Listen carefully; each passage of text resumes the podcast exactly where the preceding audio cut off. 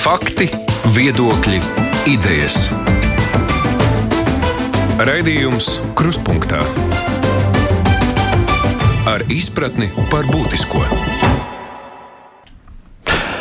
Esiet sveicināti, skan raidījums Krustpunktā un ārpus kārtas.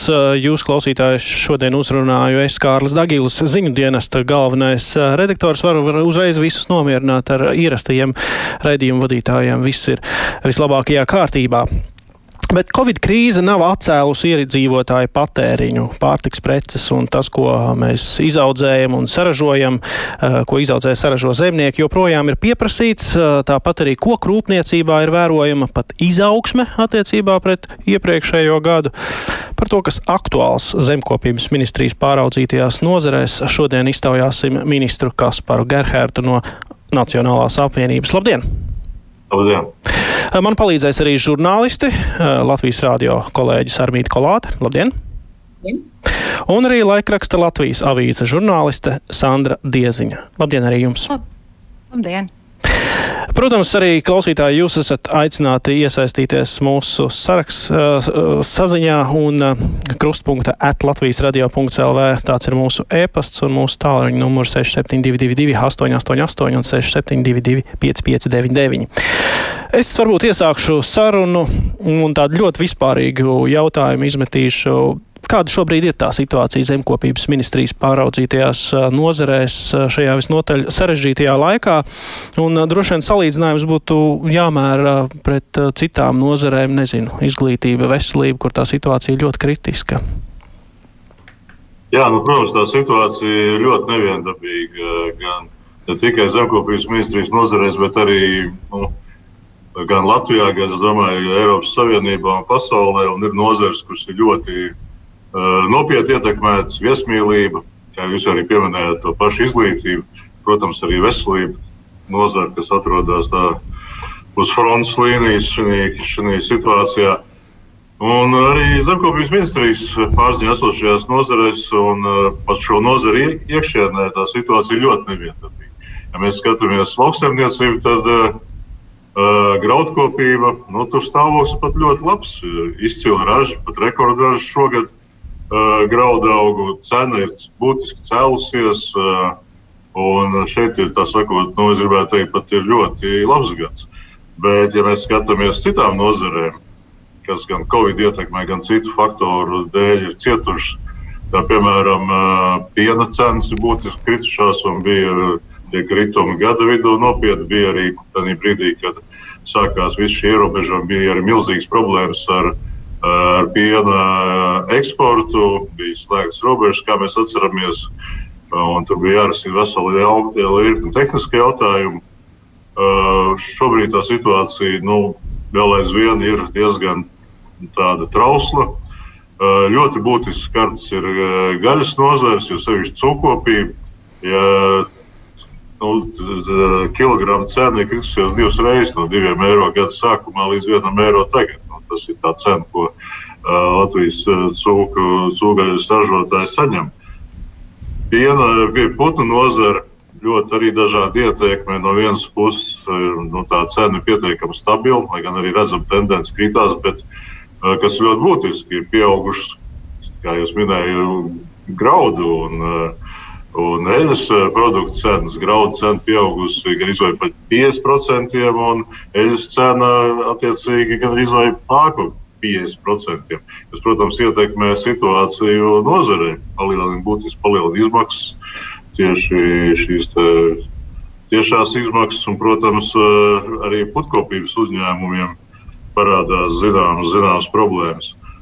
Un jūs jau minējāt šīs cilvēku nepieciešamības pēc pārtikas precēm. Mēs atceramies, ka pirmajās dienās, martā, kad tika ieviesta šī ārkārtējā situācija, bija zināma ažiotāža. Cilvēki domāja, kā būs un pirka rezervēja pārtiks produktus ar ilgu uzglabāšanas laiku.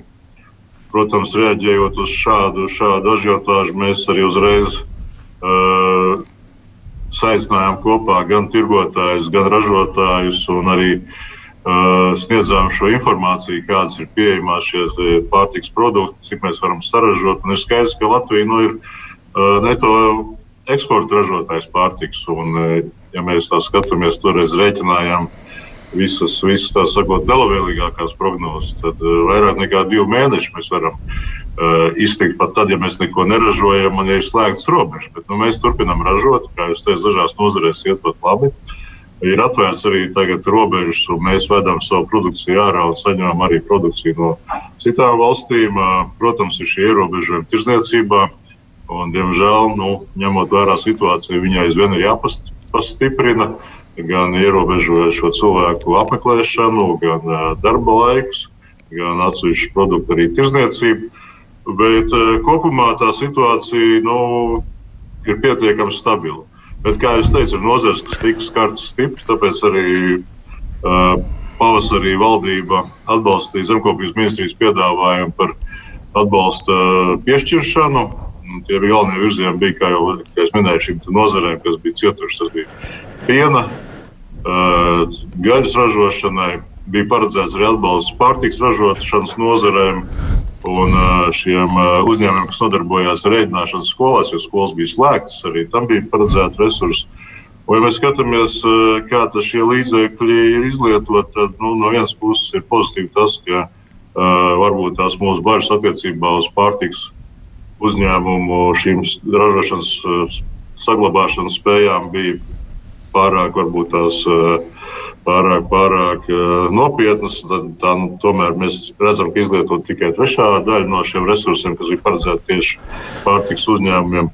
Ļoti maza daļa arī tika izmantot tas atbalsts, kas bija paredzēts šiem mēģināšanas pakalpojumu nodrošināšanas uzņēmumiem, bet, nu, diemžēl, mums nācās novirzīt papildus resursus gan cūkopībā, gan piena lopkopībā. Nu, tad var saprast, ka piens un cūks ir tās uh, vissāpīgāk skartās nu, nozares. Bet... Putnu nozara, putnu nozara, jo, kā jūs teicat, būtiski kāps izmaksas tieši uzturēšanas. Jā, nu, paldies par šo tādu diezgan plašo un izsmeļošo pārskatu, kā tad no, nozarē ir klājies nu, visas šīs Covid krīzes laikā, bet es droši vien detalizēti ļaušu arī kolēģiem uzdot jautājumus, kurš tad iesāks. Sarmīt droši. Jā, ja jau par pārtiku, tad es varētu turpināt. Svētdien de facto ziņoju par pirmajiem valsts pētījumu programmas COVID-19 pētījumu rezultātiem, un citas starpā tur tika runāts arī par pētījuma mālrakstu, kas izstrādās Latvijas lauksaimniecības universitātē, kur tika izstrādāti dažādi priekšlikumi. Divi no tiem bija tādi, ka valstī ārkārtas situācijās jābūt piekāpīgākai uz vides regulējumiem, mazinot dažādas vides prasības, un vēl citā ieteikumā tika minēts izvērtēt investīcijas nu, bioloģiskās produkcijas atbalstam, jo īsti šobrīd nav tādas izaugsmas iespējas. Jā, šis beigās top kā tāds jau tīraksts, jūs kā ministrs varētu atbalstīt šādas politiskas iniciatīvas krīzes laikā? Nu, pirmkārt, tas nav politiskas iniciatīvas, tas ir atsevišķi pētnieku viedoklis.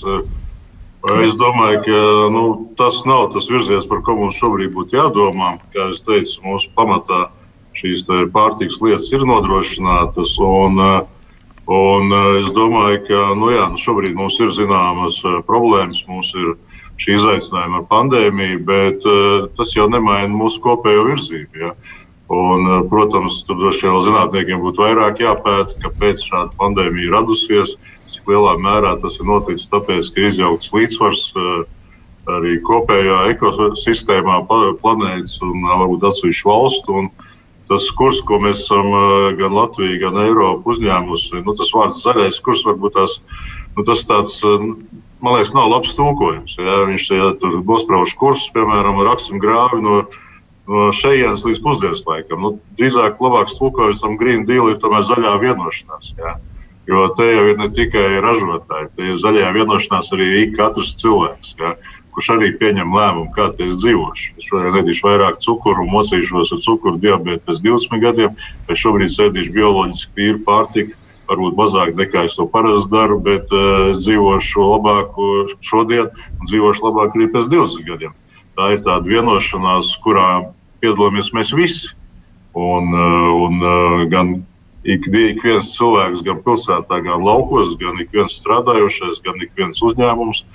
Un es domāju, ka nu, šie priekšlikumi nu, nav ilgspējīgi. Pirmkārt, otrām kārtām, ja, ja mēs ar šādiem priekšlikumiem ejam, tad mēs reizi nu, nodarām pāri gan saviem ražotājiem, gan saviem patērētājiem, iekonservējot viņu, viņu situāciju. Nu, cik ilgi tā krīze, nu, pusgadu, gadu, bet tas būtu, man liekas, pat solis atpakaļ. Es nācu šādiem priekšlikumiem. Bet nu, pētnieki ir nākuši, nu, izvērtēsim, bet es katrā ziņā neatbalstu. Sandra? Es gribu turpinot par Covid krīzi un tās ietekmi uz lauksaimniecību. Jūs teicāt, ka eksports ir samazinājies. Pārtiks uzņēmuma federācija ziņoja, ka pirmajā pusgadā pārtiks eksports bija pieaudzis par 3,9%, ja 50 miljoniem eiro. Tad jautājums, kuras tad ir tās nozares, kurās šis eksports saruka un uz kurām valstīm saruka? Nu, man liekas, es neteicu, ka pārtiks eksports samazinājās. Es teicu, ka bija zināmas problēmas pašā sākumā, kad bija slēgtas robežas, mums bija problēmas ar piena izvešanu. Un, eh, nu, mums jau ir eh, arī tādas labas lietas, kā jau teicu, ir graudu rekordraža un graudu eksports noteikti ir pieaudzis. Bet ir problēmas eh, cūgaļas nozarē, kas izskaidrojams gan ar to, ka Āfrikas cūku mērs ir sasniedzis Vāciju un Poliju un uh, mums samazinājies vispār Eiropas kopējais, uh, Eiropas kopējais eksports uz to pašu Ķīnu. Un mums šobrīd nākās saskarties ar to, ka tirgu nonāk milzīgs apjoms cūgaļas, kas nu, parasti būtu gājis uh, nu, uz Eiropas eksportā kopējā. Tā kā, nu, šeit ir šī atšķirība. Ir nozares, kur ir ļoti labs eksports, un ir nozares, kur ir problēmas, un ir nozares, kur, diemžēl, ir ļoti liels problēmas. Uh, vasarā arī tika pieņemts lēmums nozarei atvēlēt vairāk nekā 40 miljonus eiro dēļ šīs krīzes. Cik daudz uzņēmumu to izmantoja un tieši kurās nozarēs? Nu jā, es tos galvenos vilcienus pateicu, bet nu, precīzi cipars tātad, no šīs naudas tātad, tika jau līdz oktobra beigām izmaksāti vairāk nekā 15 miljoni, ne, 25 miljoni. Un, un, decembrī mēs izmaksāsim atlikušos 7 miljonus. Tad uh, lielākā daļa aiziet atbalsts piena nozares lauksaimniekiem. Tur ir gandrīz 5000 saimniecības saņēmuši jau atbalstu un saņems arī vēl decembrī. Tas kopējā summa būtu pār pa 20 miljoniem. Tad ir uh, lielopu nozares lauksaimniekiem arī uh, tad, tad vairāk nekā 3 miljoni. Cūkops nozares lauksaimniekiem uh, kopējais atbalsts būs eh, gan izvēl 4 miljoni. Kā jau es teicu, mēs bijām prognozējuši lielākas varbūt tās problēmas eh, šiem pārtiks uzņēmumiem, pārstāvjiem uzņēmumiem, kuriem varētu veidoties eh, uzkrājumi, nepārdotā produkcija. Mēs jau ieplānojam 14 miljonus. Reāli mēs redzam, ka tās izmaksas varētu būt nu, 4,5 miljoni. Šo naudu mēs jau pārdalījuši, kā jau teicu, piena nozarē un cūkopības nozarē. Mm. Bet tas joprojām ir ļoti liels naudas summas. Jā. Kas ir tie iemesli, kāpēc netika izmantotas šīs divas trešdaļas finansējuma? Nebija vajadzības? Nebija vajadzības. Nu, jau, nu, mēs jau no sākuma, es domāju, ne tikai Latvija, bet arī citas valsts jau uh, redzēja to situāciju, kāda ir izveidojusies. Robežas bija slēgtas, uh, tirgi bija ļoti cietuši. Piemēram, Latvijas siers, ja viens no pamat uh, tirgiem bija Ziemeļitālija. Mēs atceramies, ka bija Ziemeļitālijā martā vispār bija slēgts, eh, karantīna, slimība un milzīgas problēmas. Bet, nu, kā mēs redzam, arī vasarā ne tikai Latvijā, bet arī visā Eiropas Savienībā situācija uzlabojās, tirgi atvērās, uzņēmumi attiecīgi varēja arī, arī aktīvāk darboties un tirgoties tālāk. Mm -hmm.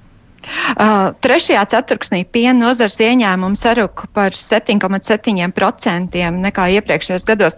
Uh, kā šobrīd ir novembrī? Uh, turpinās lejupslīde, vai, vai nu, diemžēl, ir kāds cenas turpinās, turpinās nedaudz kristies piena nozarē. Uh, Nu, principā varam teikt, ka oktobris un novembris mums tomēr ir pietiekami stabils. Tā cena izmaiņa praktiski nav, nav bijusi. Bet, nu, tā, attiecīgi, nedaudz atgriežas tā cena, cena marta līmenī, bet nu, līdz martam vēl ir palicis vēl kādi 2,5 eiro centi par, par, par par kilogramu, bet nu, katrā ziņā nu, vēl neesam sasnieguši marta līmeni. Nu, tā droši vien ir slikta ziņa ražotājiem, bet laba ziņa patērētājiem. Nu, mēs redzam, ka tās nobīdes ir tomēr laika ziņā pietiekami liels. Un, viena no lietām, par ko mēs vienojāmies ar tirgotājiem pašā krīzes sākumā, kad mums bija šīs kopīgās krīzes vadības sēdes, mums ministrijā izveidotajā speciālā šādā padomē, ka tirgotāji noteikti neizmantos šo situāciju negodprātīgi, ka viņi pieies ar vislielāko atbildību tieši cenu veidošanas politikā. Kā, un mēs arī veicām šo cenu analīzi, sekojām līdzi šī krīzes sākumā, un mums nav, mūsu rīcībā nav tādu faktu, kas liecinātu, ka tirgotāji kaut kādā mērā būtu izmantojuši šo situāciju negodprātīgi. Un esam saņēmuši šādu informāciju. Ja situācija pasliktināsies, kādu atbalstu lauku uzņēmēji var sagaidīt? Neapšaubām. Nu, tā ir viena no tām lietām, par ko, par ko valdība ir jau vairākus lēmumus pieņēmusi un arī turpinās pieņemt, ka Šajā situācijā ir nepieciešams skaidrs definējums un saprotams atbalsts gan cilvēkiem, kuriem ir dīkstāv, gan cilvēkiem, kuriem samazinājās darba apjoms, gan uzņēmumiem apgrozāmo līdzekļu, gan kredītu garantijām, gan nodokļu atmaksai. Un tie pasākumi, kurus jau mēs uh, izstrādājām pavasarī, tiks arī iedarbināti arī tagad. Un, uh, no patās, kā mēs, mums bija diskusija arī ar finanšu ministriju, mēs esam iesnieguši arī priekšlikums atbalstam zemkopības lauksaimniecības nozarei pēc līdzīgiem principiem, kāds bija pavasarī. Un es esmu pārliecināts, ka tuvākajās valdības sēdēs valdība arī šo atbalstu apstiprinās. Protams, tas nav domāts, ka viņš varētu uzreiz automātiski kaut kur aiziet šī nauda. Tas, protams, tiks iedarbināts tikai tad, ja tiešām būs reāls problēmas. Bet, kā jau arī teicu, pavasarī nepieciešama šī rezervācija, lai lauksaimnieki būtu pārliecināti par to, ka viņam šis atbalsts būs. Šī nauda tiks rezervēta un, un līdzīgas programmas mēs esam gatavi iedarbināt. Sarmīt?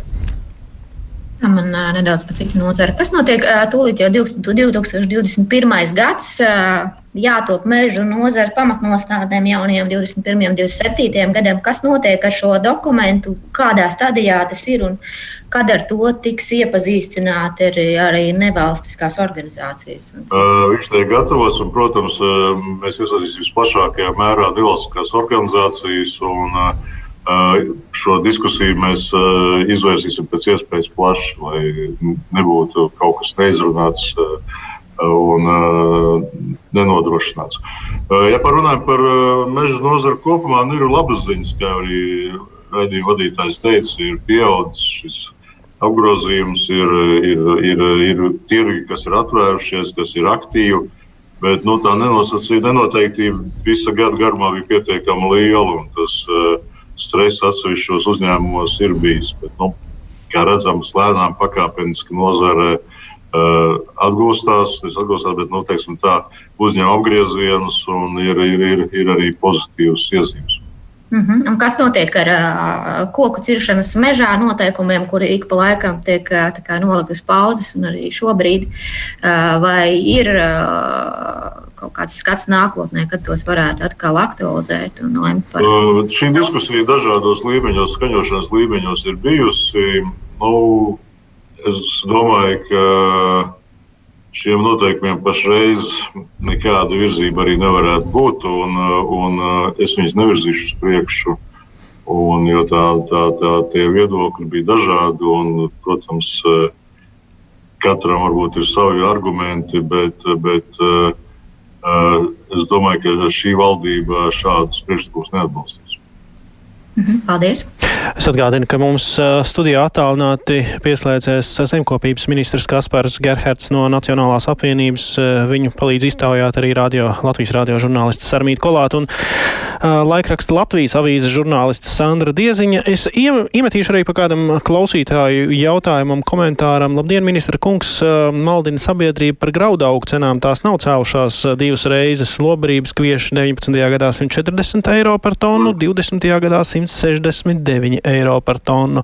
Nu, tad tur ir tālāk arī par dažādu aprēķinu par iepriekšējo un šo gadu. Kā tad ir, ministra kungs, vai Nu, es, ir tās eh, divas reizes vai nav? Cenas ir cēlušās divas reizes, bet tas, ka graudaugu cenas šobrīd ir 211 eiro par tonu, nu, tas ir fakts. Jā. Šobrīd gada beigās ir 211 eiro par tonu. Tā kā cenu kāpums ir bijis. Un arī, kā jūs teicat, arī rekordgarš. Ja, ja, ja klausītājs norādīja, ka bija 140, tad šobrīd ir 211. Un pat Lobūrijas piešķirta pat 250. Biškopības nozare, vai tai eh, ir cerības saņemt kādu atbalstu, ņemot vērā, ka tiešā tirdzniecība. Biškopības nozare, vai tur ir eh, nozarei iespēja saņemt kādu atbalstu, ņemot vērā, ka tiešā tirdzniecība šobrīd ir apstājusies? Jā, nē, nu, viskopības nozarē ļoti, kā jau minēju, pirmkārt ir kāpušas cenas gan uz šiem vistu barošanas uh, vielām, gan graudiem, gan eļļām. Un no otras puses, nu, līdz šim Latvijā liela daļa viskopības produkcijas uh, olas, piemēram, gāja patēriņam viesmīlības nozarē, gan ēdināšanai, gan, gan, gan, gan viesnīcām. Un, jā, tiešām šī nozara ir skarta. Mēs esam arī paredzējuši šajā, kā jau minēju, lī- līdzekļu rezervācijā uh, arī novirzienu tieši viskopībai.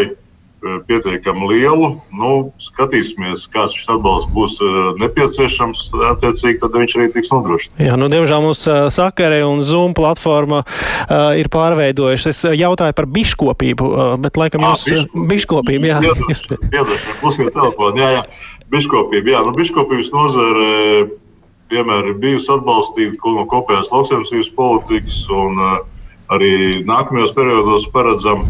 Uh, bet uh, nu, līdz šim tāds specifisks secinājums, ka šeit būtu tieši nepieciešams Covid laika atbalsts, līdz šim mēs šādu informāciju neesam saņēmuši. Bet, nu, kā jau teicu, mums notiek pastāvīgs darbs, un ja biškopi, biškopi pie mums vērsīsies uh, ar, ar, ar to, kas šī situācija, Covid situācija, viņas tieši ietekmēs, mēs noteikti arī iekļausim šo nozaru atbalstāmo nozaru sarakstā. Jā, vismaz vairāk klausītāji par to ir uh, norādījuši, acīm redzot, medus, uh, medus ražotāji. Kolēģi, lūdzu! Vēl par ēdināšanas pakalpojumu sniegšanu šīs nozars uzņēmēji ļoti būtiski ietekmēti. Cik šī palīdzība, kas iepriekš tika paredzēta, ir izmantota un, un kādi varbūt būs tie turpmākie soļi? Nu, ja, ja mēs runājam par to, tiem uzņēmumiem, kas nodarbojās ar ēdināšanas pakalpojumu sniegšanu, nu, mēs atceramies, ka pavasarī bija slēgts visas skolas, attiecīgi šie uzņēmumi bija skarti visstiprāk. Mēs veicām izvērtējumu, cik šos resursus vajadzētu.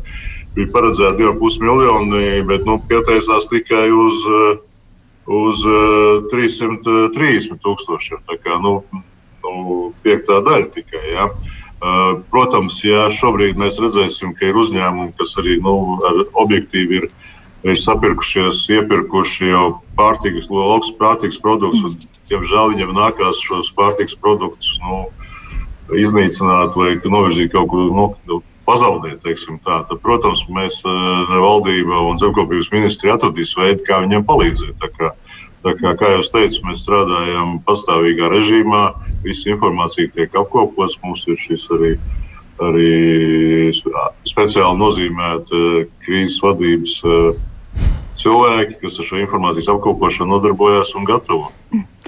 Vai jums ir kāds skaidrojums, kāpēc tikai viena piektā daļa pieteicās? Nu, tas ir patiešām ļoti maz. Nu, Mēs visi dzirdējām, ka problēmas ir ļoti lielas. Ne, nu, protams, nu, arī šie, nu, šī programma jau nebija tā vienkārši, ka cilvēki pasaka skaitli un viņiem tiek samaksāts. Protams, arī bija jābūt pietiekamiem apliecinājumiem, ka, ka ir patiešām reāli šī problēma. Ja. Nu, mēs esam atvērti, atvērti priekšlikumiem, un, ja tur nepieciešams kaut ko pielāgot programmā, kaut ko padarīt skaidrāk, saprotamu, bet nu, līdz šim brīdim nu, tāds Šāda tāda priekšlikuma nav nākusi. Varbūt kritērija bija pārāk stingri, un Ne, nu, varbūt kolēģi netieši norāda, ka tur bija potenciāls arī kaut kādai ēnu ekonomikai, kādēļ nekvalificējās. Nu, te jau mūsu iekšējie kriteriji, protams, gan attiecībā uz nodokļu lietām, un uh, tiešām, lai nebūtu kaut kas ēnu, ēnu pusē, bet nu, arī visas šīs programmas, protams, tika skaņotas ar, Eiropas uh, komisiju. Ja. Un, uh, un, uh, tā situācija, kāda bija pavasarī Eiropas komisijā, šobrīd mēs redzam, ka ir kaut kādas izmaiņas. Bet nu, vismaz lauksaimniecības jomā tādas būtiskas izmaiņas nav. Un mēs redzam, ka arī pavasarī valsts nāca ar ļoti dažādiem priekšlikumiem, ar ļoti plašu izdomu. Tāpēc mūsu kaimiņu valsts Lietuva, kas uh, pieņēma ļoti lielu atbalstu savai piena nozarei. Attiecīgi mums bija šīs atbalsts jāizlīdzina. Tā kā, nu, jā, nu, gatavojam un kritēriji, protams, bet kritērijiem, protams, jābūt pilnīgi skaidriem, lai mēs šo sabiedrības naudu novirzītu tur, kur viņas vairāk nepieciešama. Mm -hmm. Runājot vēl par kritērijiem, vasarā bija, varēja pieteikties pēc vieniem kritērijiem, un šobrīd rudenī jau nedaudz ir atvieglots, piemēram, apgrozījums, apgrozījums lieksnis. Kāpēc šāds solis tika veikts, vai, vai es nezinu, nevar, tāpēc, ka neizpildītos kritērijus šie uzņēmēji? Nē, nē, nu, tad neiet runa par neizpildīšanu, iet runa par to, ka nu, atvieglot, un mēs redzam, sekojam līdz tam, kuras grupas, kuras saimniecības tiek skartas, kur ir šīs problēmas. Un saimniecības mums ļoti neviendabīgas. Mums ir saimniecības ar dažām govīm, saimniecības ar trīs govīm, saimniecības ar vairāk simt govīm, līdz tūkstošu kā katrai, protams, ir situācija savādāka. Mēs nevaram paņemt ar vienu, vienu olektu, nomierīt visu nozari. Mums ir jāpalīdz, lai, lai visi šie lauksaimnieki paliktu savā, savā biznesā un būtu droši par nākotni. Man jautājums, eh, kā vienam no pieredzējušākajiem valdības locekļiem, tagad eh, tiek runāts par krīzi valdībā un komunikācijas problēmām. Kā jūs redzat, vai ir ministri, kuriem ir tās, kā saka prezidents, mutes saturēšanas problēmas? Un, kā jūs, kā viens no pieredzējušākajiem ministriem, skatāties uz šo situāciju, vai ir pamats runāt par krīzi valdībā? Un varbūt jūs kā tāds pieredzējis padomdevējs, kādu padomu dot šiem neprāšiem, kuri varbūt nevar atrast kopīgu valodu? Nu. Es no savas pieredzes varētu teikt tikai to, ka Latvijas valdībā krīze ir permanenta parādība. Tā kā to mums kā, nevajadzētu krīzi valdībā uztraukties. Bet, ja Bet mēs skatāmies, vairāk runāt, tad jau kaut kādas atšķirības ir. Bet, ja mēs skatāmies uz to, kas notiek uh, ar šo pandēmiju, nu, ekspertu vērtējums, ka tā nav krīze. Jā. Daži saka, ka mēs esam tādā kā karstāvoklī.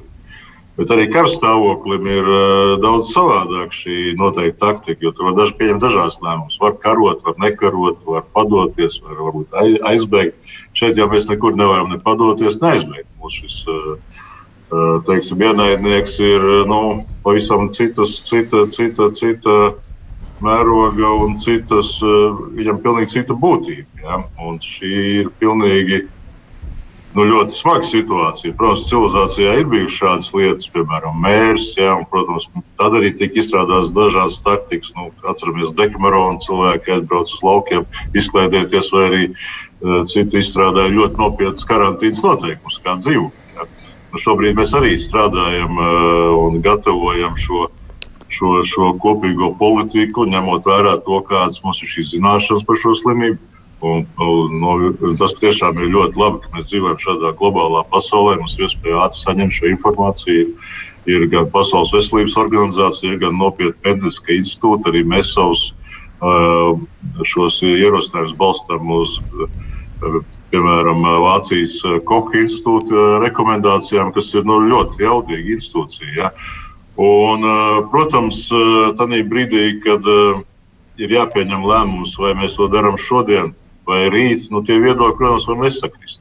Dažiem varbūt tās liekas, ka varbūt mēs vēl varam kādu brīdi vēl pagaidīt, varbūt kaut kas paliks labāks. Nu, citi atkal uzskata, ka pēc iespējas ātrāk ir tas jādara.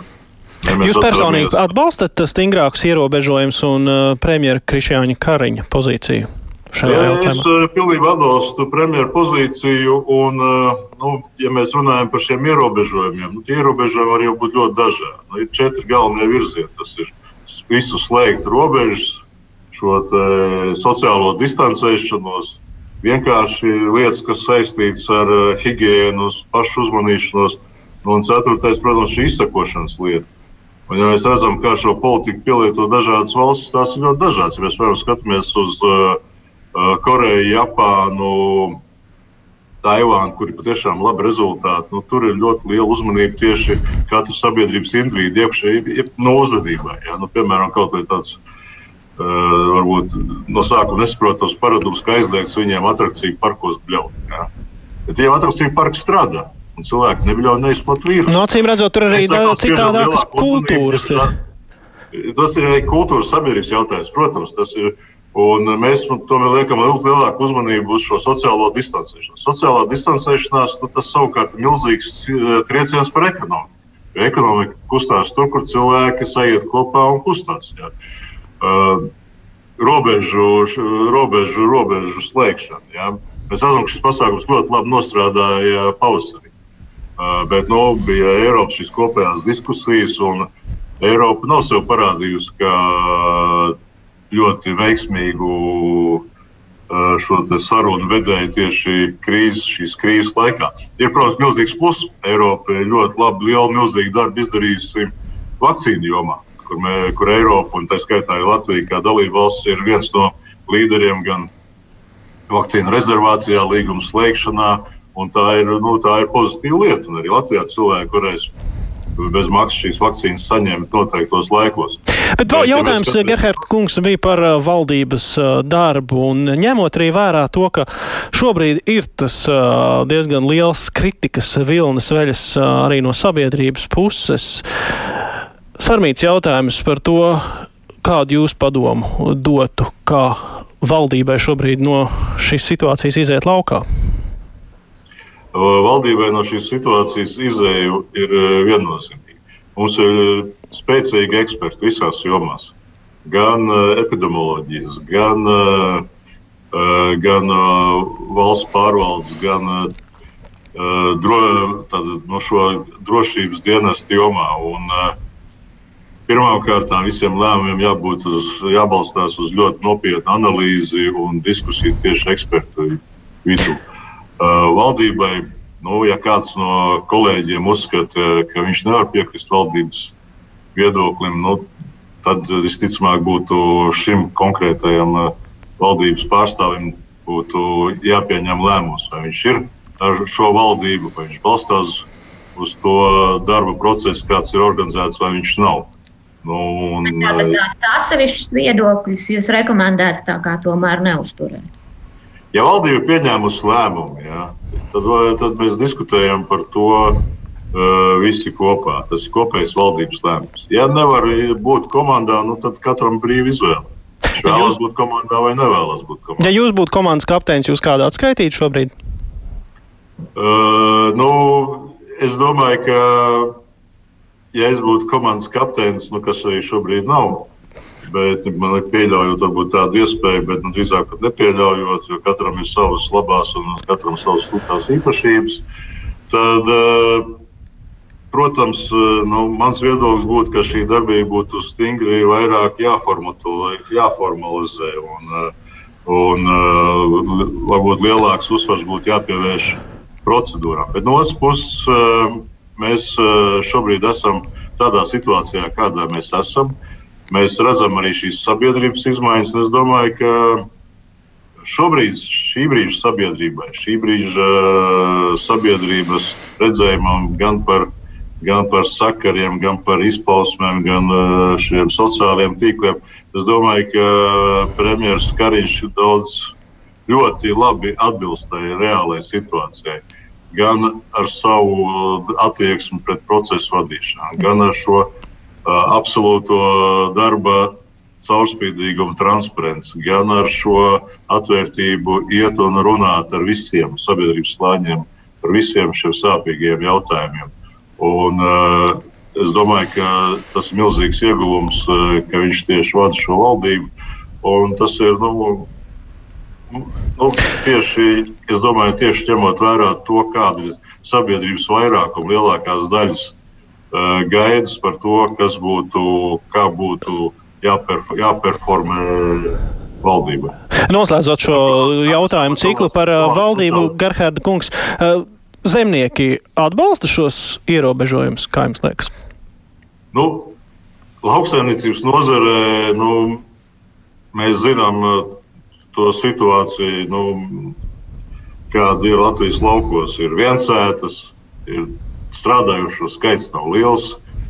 Šādām problēmām neesam saskārušies. Cilvēks skatās uz vietas, uz otru, redz, kā tas ir tas tautas parods. Mēs visu laiku runājam, 5 metru attālumā, kāpēc mums tagad jānāk tuvāk un jārunā 2 metru attālumā. Ja? Uh, ir bijušas problēmas zivju pārstrādes nozarē, kā mēs redzam, gan kolkā, gan salātsgrīvā. Nu, droši vien saistīts ar to, ka tomēr cilvēki ir kopā un ir sava specifika, kā gatavojas darbam, kā pēc darba, kādas ir šie te, uh, rīcības. Tā kā, nu, katrā ziņā visās diskusijās no zemnieku puses ir uh, pilnīga izpratne un šie drošības pasākumi pietiekami lieli. Protams, ir nērtības. Protams, ir jautājumi, kas bija saistīti piemēram ar darba spēku, sezonālo darba spēku. Jā. Meklēsim variants, kā to situāciju uzlabot. Sandra? Es gribu jautāt vēl par, par šo krīzi, uh, lai kā to sauktu krīze vai kara stāvoklis, bet jautājums ir, vai nebūtu jāveido pārtiks rezerves valstī? Vai, vai par šo jautājumu? Pār, kā jūs pašā sākumā teicāt, ja mēs slēdzam robežas, neko nedaram, aizējam katrs savā mājā, mēs divus mēnešus mums ir pārtiks rezerves. Šo uzdevumu zemkopības ministrija uzskaita, izvērtēšana veids patstāvīgi. Neatkarīgi no tā, vai mums ir krīze, vai mums ir vēl kaut kāda situācija, vai pandēmija.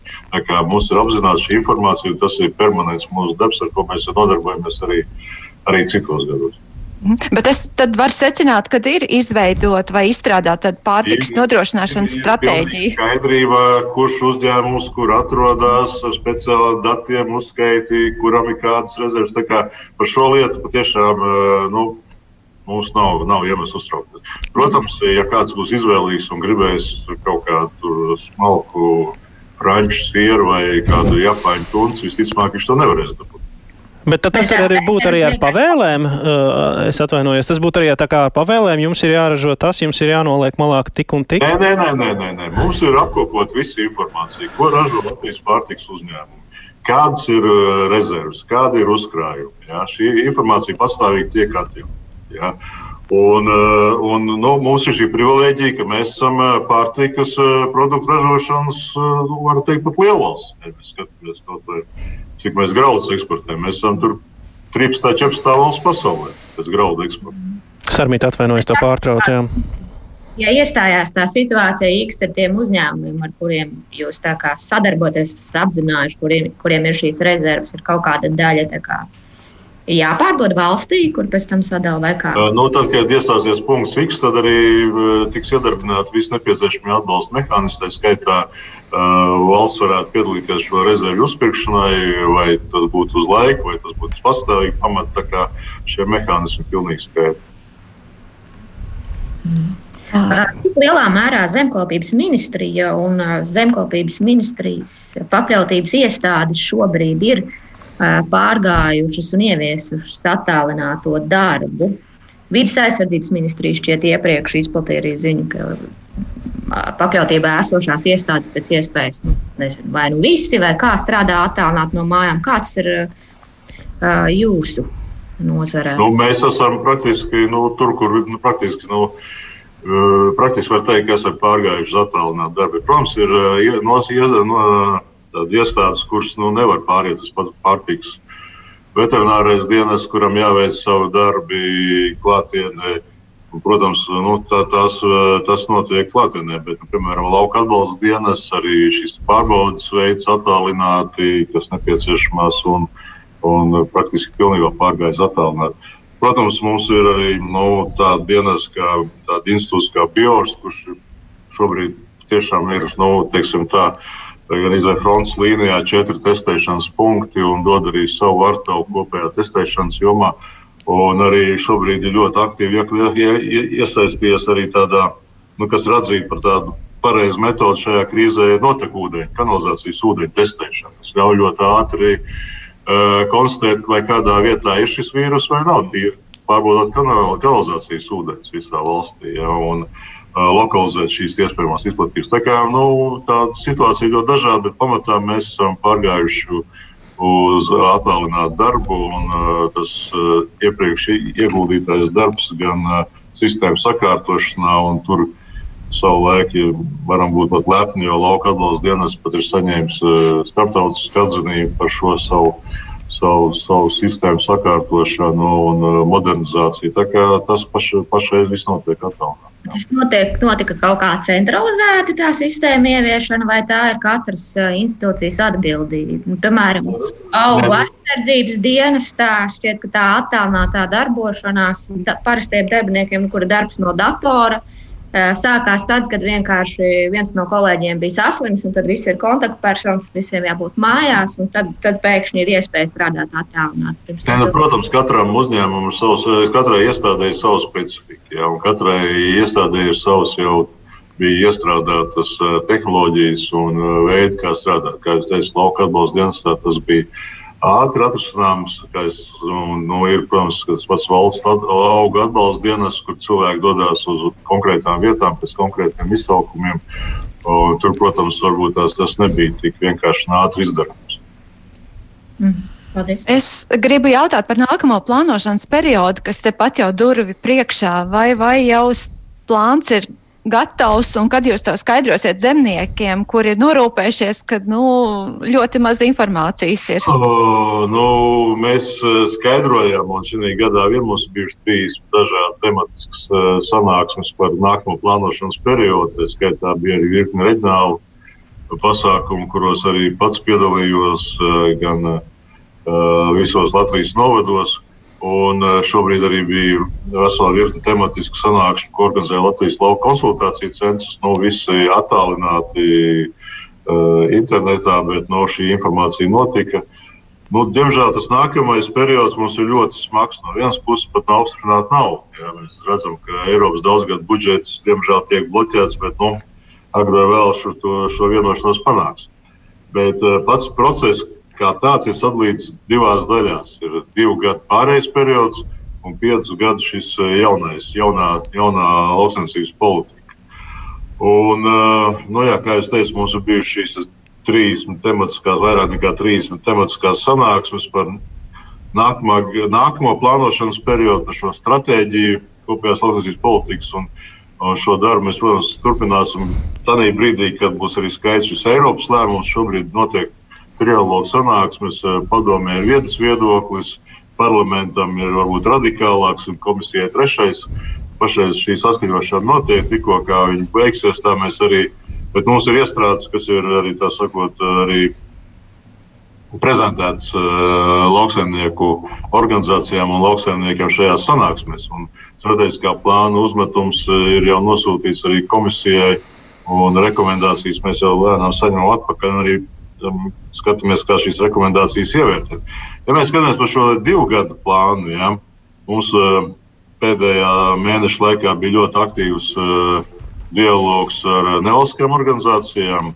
Bija arī nu, vēl pirms šiem ierobežošiem pasākumiem, man arī bija tikšanās gan uh, lauksaimniecības organizācijas sadarbības padome, gan, gan, gan ar uh, zemnieku saimu. Un uh, šobrīd mēs ar visām lauksaimniecības organizācijām veicām sarunas. Šobrīd, šodien notika pēdējās ar uh, kooperatīvu sabiedrību. Un nākamo trešdienu mums ir paredzēta konsultatīvā padome, kur mēs arī nu, pieņemsim šo galu lēmumu, kāds varētu būt šis uh, darbību virzieni tieši šajā pārējais periodā, šajos divos gados. Uh, nu, tie vesela virkne lietu, par ko mēs esam vienojušies, nu, tie līdzekļi, protams, ir ļoti. Nu, diezgan lieli. Gan arī miljards eh, eiro no tiem apmēram aptuveni 700 miljonu tiešmaksājumiem un 300 miljoni dažādiem atbalsta pasākumiem. Nu, šobrīd mums ir trīs tādi smagākie diskusiju punkti, kas ir nu, vēl atvērti. Tas ir bioloģiskā lauksaimniecība. Cik daudz tam vajadzētu līdzekļu?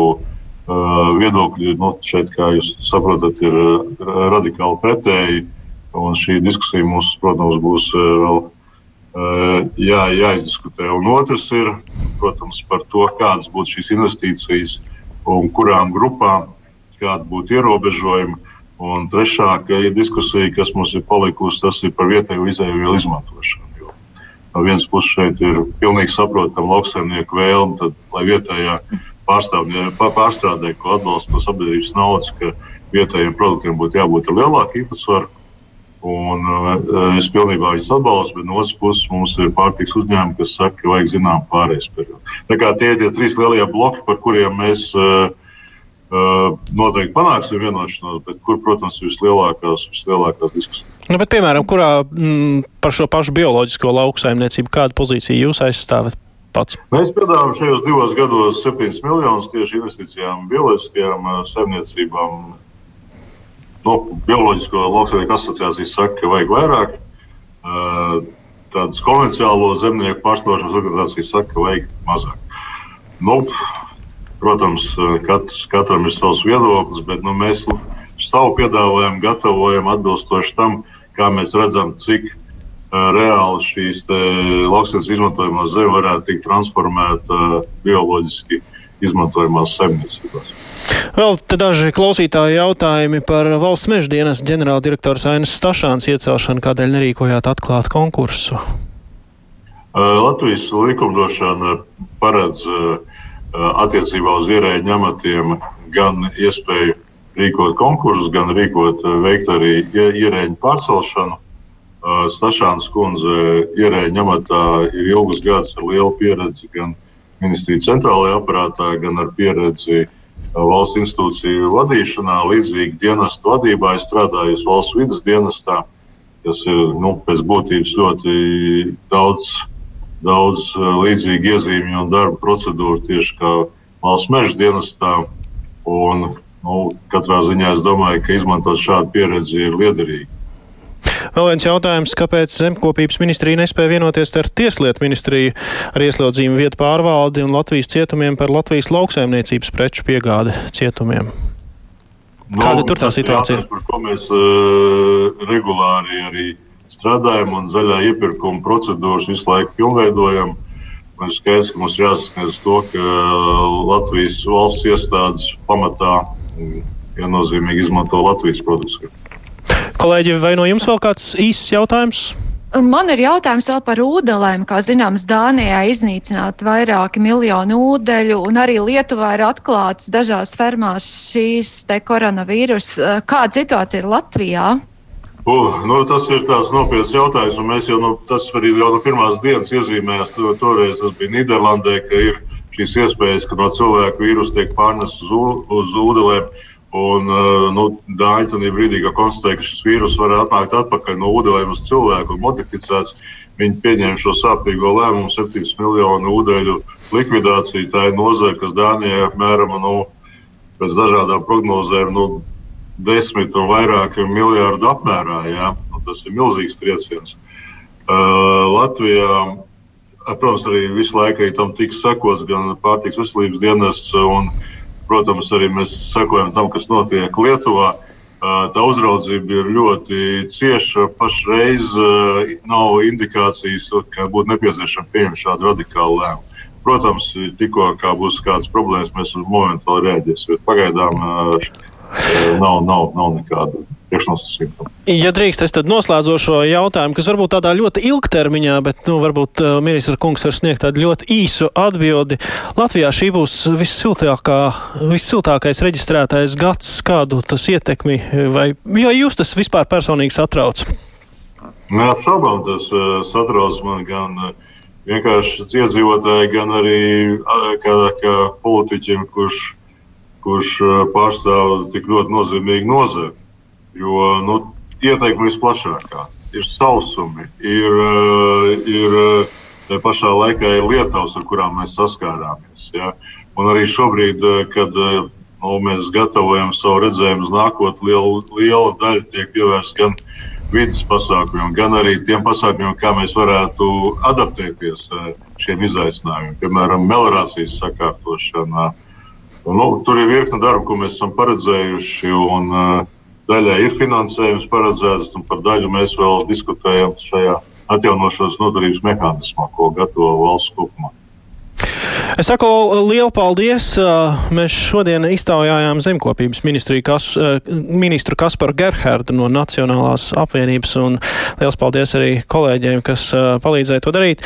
Latvijas radio žurnālists Armīta Kolāta un laikraksta Latvijas avīzes žurnālists Sandra Dieziņa. Līdz ar to arī krustpunktā raidījums izskan. To producēja Evija Unāma. Studijā šo stundu ar jums runāja Kārlis Dagīlis.